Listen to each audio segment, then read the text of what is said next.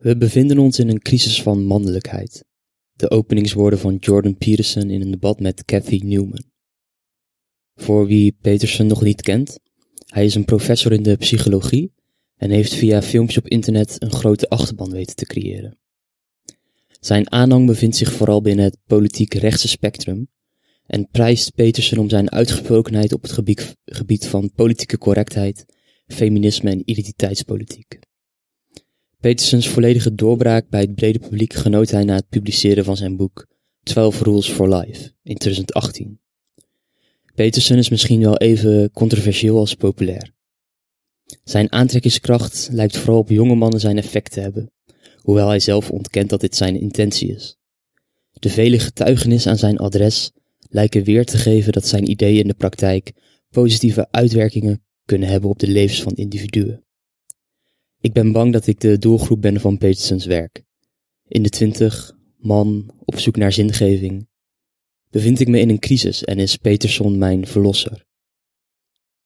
Ik mag toegeven het aangenaam te vinden mijn verantwoordelijkheid te nemen, voor mezelf op te komen en een vorm van dominantie uit te stralen. Dat geeft mij een gevoel dat ik nodig ben en een rol te vervullen heb in deze samenleving. Een paar weken lang ben ik met de stem van Peterson in slaap gevallen. Niet omdat zijn uitleg zo vermoeiend was, maar omdat het luisteren van een podcast een vorm van reflectie is na een lange dag. Ik voelde de aantrekkingskracht van Peterson. De zekerheid in zijn overtuigingen sprak me eigenlijk wel aan. De roep om weer een man te mogen zijn. Kan het zo zijn dat de geëmancipeerde man daadwerkelijk zijn eigen natuur onderdrukt? Dat hij het nodig heeft om af en toe uit te mogen vallen tegen de mensen om hem heen en om vrouwonvriendelijke grappen te mogen lachen? Ik ben niet de enige. Juist de massaliteit van zijn aanhang maakt het de moeite waard om eens dieper in te gaan op de grondslagen die verborgen liggen onder de zogenoemde crisis van mannelijkheid. In deze podcast onderzoek ik twee vraagstukken. Allereerst ben ik op zoek naar de redenen achter de populariteit van Peterson. Dit zal ik doen aan de hand van een bespreking van de moderniteit en de kritiek, kritiek van Peterson op de postmoderne denkers. Ten tweede vraag ik me af of Peterson een bevorderlijke oplossing voorschotelt. Zijn de verhalen van de jonge mensen die zijn advies hebben opgevolgd en nu een betekenisvol en rijk leven leiden een broodje aap? Of kunnen we echt iets leren van zijn gedachtegoed en adviezen? Jonathan Haidt en Greg Lukianov waarschuwen ons voor de negatieve gevolgen van politieke correctheid en de angst om individuen te kwetsen. Overbescherming van jongeren zorgt voor een cultuur op universiteiten waarbij veiligheid als hoogste prioriteit wordt aangeduid. Het prikkelen van jongeren is echter nodig om sociale, emotionele en intellectuele ontwikkelingen door te voeren. Het enkel op gemak stellen en goed laten voelen van jongeren zorgt voor een gebrek aan ontwikkeling van de psychologische weerstand die nodig is om te kunnen functioneren in onze samenleving. Ondanks de goede intentie van beschermende ouders en leraren, heeft hun aanpak een tegenovergesteld effect. Er dreigt een generatie jongeren op te groeien die niet voorbereid is op de uitdagingen van het leven. Depressie en angststoornissen zijn wijd verspreid en ook suïcidecijfers, waarin mannen het grootste aandeel hebben, gaan omhoog. Er is sprake van een complex probleem, waarvan een grote oorzaak het gebrek om weerstand te kunnen bieden aan oppositie lijkt te zijn. Het ontbreken van kritiek heeft geleid tot overtuigingen die nooit bevraagd zijn, of aan druk onderhevig zijn geweest, waardoor ze ook niet in sterke mate gevormd, gepolijst of doordacht zijn. Op 18 mei 2018 werd er in Toronto een debat gehouden over politieke correctheid. Stephen Fry koos ervoor om aan de kant van Jordan Peterson plaats te nemen en te pleiten tegen politieke correctheid. De zekerheid van individuen die politieke correctheid in acht nemen, werkt volgens hem verstoppend. Fry stelt dat juist onzekerheid een drijver is van progressie en dat een debat open gevoerd moet worden zonder dat er bepaalde morele superioriteit aanwezig is. Daarnaast is het morele doel van politieke correctheid, discriminatie en racisme voorkomen, prijzenswaardig, maar werkt het gekozen middel niet. In tegenstelling tot Heet, Lukianov en Fry ziet Peterson dit probleem als ontstaan vanuit een politieke ideologie. Dit maakt dat zijn tegenreactie ook sterk ideologisch gezien kan worden. De adviezen van Peterson zijn gebaseerd op de aanname dat het postmodernisme voor een groot deel debet is aan deze ontwikkelingen. Daarbij moet gezegd worden dat Peterson uitgaat van een beperkte zienswijze van een samensmelting van moreel relativisme en de postmoderniteit, waarover verderop in deze podcast iets verder zal worden ingegaan. Peterson ziet zijn ideeën als een tegengif tegen moreel relativisme en is ervan overtuigd een antwoord te geven op de hierboven geschetste problematiek. Om het denkkader van Peterson te kunnen begrijpen, is het nodig een kleine historische beschouwing te houden, met om te beginnen de moderniteit. Deze brak definitief af met God als houvast en moreel kompas. Hierdoor viel het geloof weg als ultiem fundament voor zingeving en ontstond er een bijna religieus vervangend streven naar efficiëntie en rationaliteit. Deze ontwikkelingen zijn reeds uitgebreid besproken, maar door Charles Taylor op misschien wel de meest heldere manier aan het algemene publiek overgebracht. In een collegereeks met de titel Malaise van de moderniteit probeert Taylor het fenomeen te duiden dat mensen bepaalde kenmerken van onze hedendaagse cultuur en samenleving ervaren als een verlies of achteruitgang. Deze kenmerken bespreekt hij aan de hand van het individualisme, de toename van instrument, instrumentele reden en de afname van burgerparticipatie in de politiek. Het individualisme als negatief kenmerk van de samenleving beschrijft Taylor als de losmaking van het individu van, als onderdeel van een grotere orde, waarbij het ervan uitgaat boven een vastgelegde orde te staan en samenlevingen ziet als gemaakt door zijn eigen keuzes en wil. De kritiek op de moderniteit schuilt daarin dat de moderne samenleving ons een gevoel geeft binnen een volledig meritocratisch systeem te leven, waarbij een vooraf vastgelegde orde overtroffen kan worden door inspanningen van het individu. In eerste instantie een idee dat bevrijdend kan zijn, aangezien onze eigen ijver beloond zal worden. De schaduwkant ligt echter daarin dat die utopie niet volledige werkelijkheid is, maar onze levensinvulling sterk door factoren als geluk, talent en maatschappelijke positie beïnvloed wordt. Terwijl wij denken zelf volledige controle te hebben, zijn we eigenlijk nog steeds onderworpen aan een sterk hiërarchische samenleving. Alexis de Tocqueville heeft tijdens zijn reis door Amerika in de jaren 30 van de 19e eeuw als een van de eerste over de psychische gevaren geschreven die dit met zich meebrengt. Het effectiviteitsdenken, hoe kan ik zo efficiënt mogelijk leven, de instrumentele reden, moet volgens Taylor in hetzelfde licht als dit individualisme gezien worden. In de eerste plaats denken we niet vast te zitten aan een bepaalde orde, maar zelf verantwoordelijk te zijn voor ons slagen en falen. En in de tweede plaats moeten we ons leven zo efficiënt mogelijk indelen. Waar een religieuze grondslag, grondslag weggevaagd is en daarmee een moreel houvast verdwijnt, blijven we zitten met de leegheid van individualisme en instrumentele reden. Deze kritiek op de moderniteit illustreert Taylor aan de hand van Dover Beach, het verdwijnen van een religieus houvast, het gevoel in een moreel verlaten wereld achter te blijven, ziet hij in de metafoor van het lege strand. De kritiek op de moderniteit is er echter niet één die volledig door Taylor gedeeld wordt. Volgens hem gaat er niet alleen een oude moraal verloren, maar kan daarmee een andere visie ontstaan en ontwikkeld worden. Het strand is dus niet verlaten, maar getransformeerd. Omdat het gemakkelijker is een verloren gegane morele visie te identificeren, dan het is om een vernieuwende morele visie vast te stellen, wordt de zienswijze dat we in een tijdperk leven waarin de moraliteit compleet losgelaten is door Telen verklaard.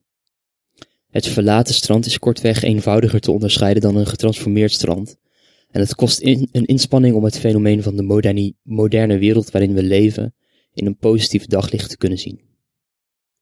Peterson ziet het postmodernisme als een mislukte oplossing op het modernisme.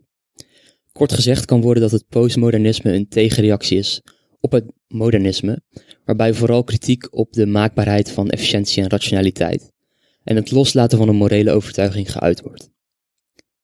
Illustratief hiervoor is een denker als Foucault, die ons laat zien dat dit streven naar efficiëntie een moderne samenleving als een gevangenis heeft voortgebracht.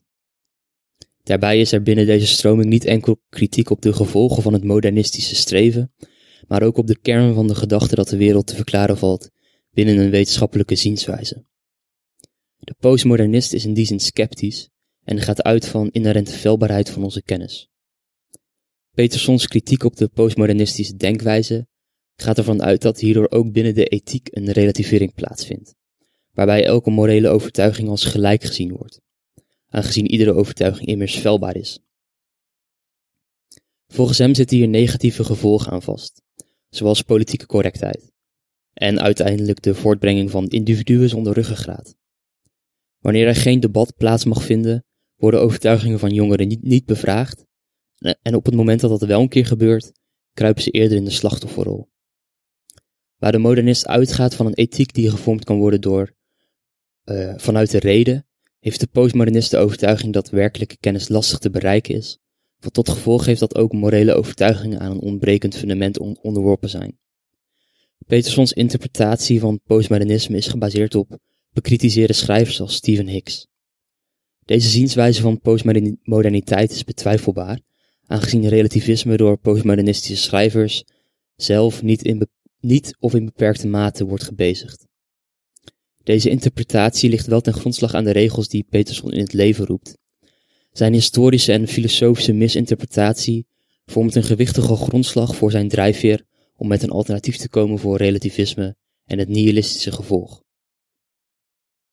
Petersons boek moet allereerst gezien worden als een zelfhulpboek, waarbij het merkwaardige hierin is dat zijn politieke overtuiging een belangrijke grond is voor de adviezen die hij ons voorschotelt. Vooral in het voorwoord, geschreven door Norman Dutch, komt dit tot uiting. De regels die Peterson presenteert zouden voor goed breken met het uit postmodernistische denkers voortkomende moreel relativisme. Dutch schrijft dat, zijn, eh, dat dit volledige relativisme leidt tot nihilisme en dat de regels van Peterson een oplossing zijn voor de zinloosheid, apathie en zwakheid die daaruit voortkomen.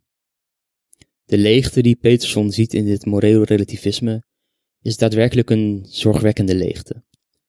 Het aanbieden van een oplossing vormt dan ook een, direct een aantrekkelijk alternatief, omdat daarmee een vorm van zingeving gevonden kan worden die daarvoor ontbrak.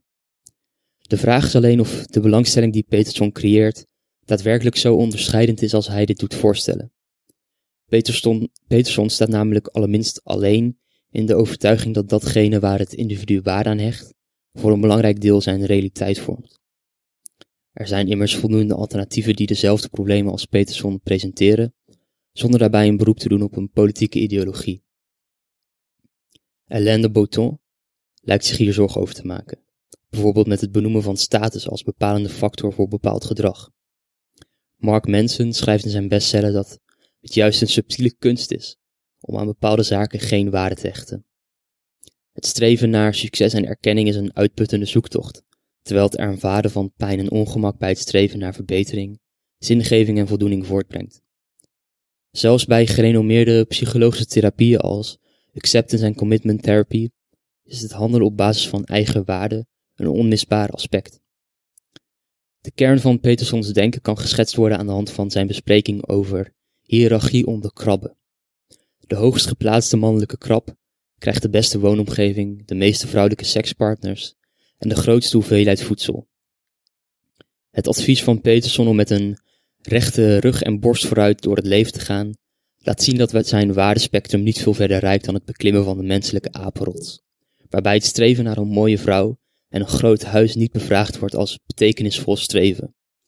Vandaar dat zijn ideeën vaak met doorgedraaide masculiniteit en misogonie in verband worden gebracht. Begrijp me niet verkeerd. Dit kan absoluut een drijfveer zijn voor de wietrokende, bij zijn moeder wonende twintiger om van de bank af te komen en iets van zijn leven proberen te maken.